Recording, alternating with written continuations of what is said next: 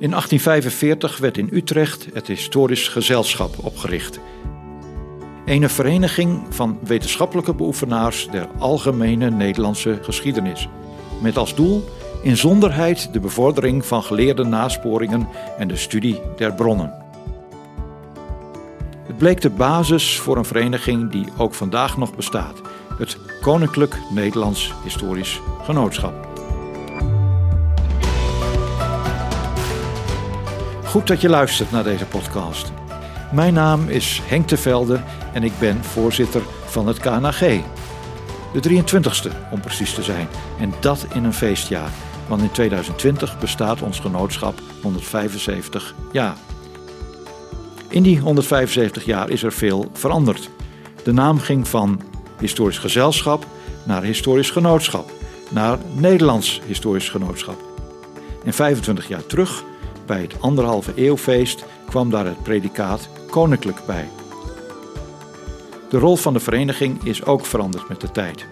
We zijn er niet alleen meer voor beoefenaars van de algemene Nederlandse geschiedenis, maar voor alle historici.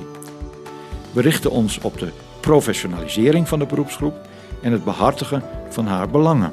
En we zetten ons in voor het maatschappelijk belang van geschiedenis en voor de toegankelijkheid van bronnen.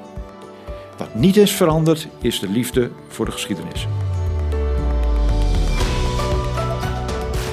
In 1995 verscheen een boek over de geschiedenis van het KNHG, van de hand van Leen Dorsman en Ed Jonker. 2020 willen we met deze podcast terugblikken op de afgelopen 25 jaar, maar vooral ook vooruitkijken. Waar staat de vereniging nu en waar moet ze heen?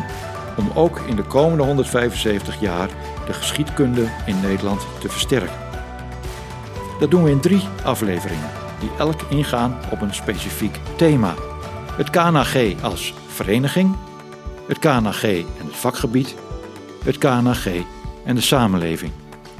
Steeds komen de verschillende sprekers aan het woord die hun ervaringen uit de afgelopen 25 jaar delen en vooruitblikken op de toekomst. Wil je meer informatie over deze podcast? het jubileumjaar of het KNAG? Kijk dan op onze website knag.nl. Veel luisterplezier.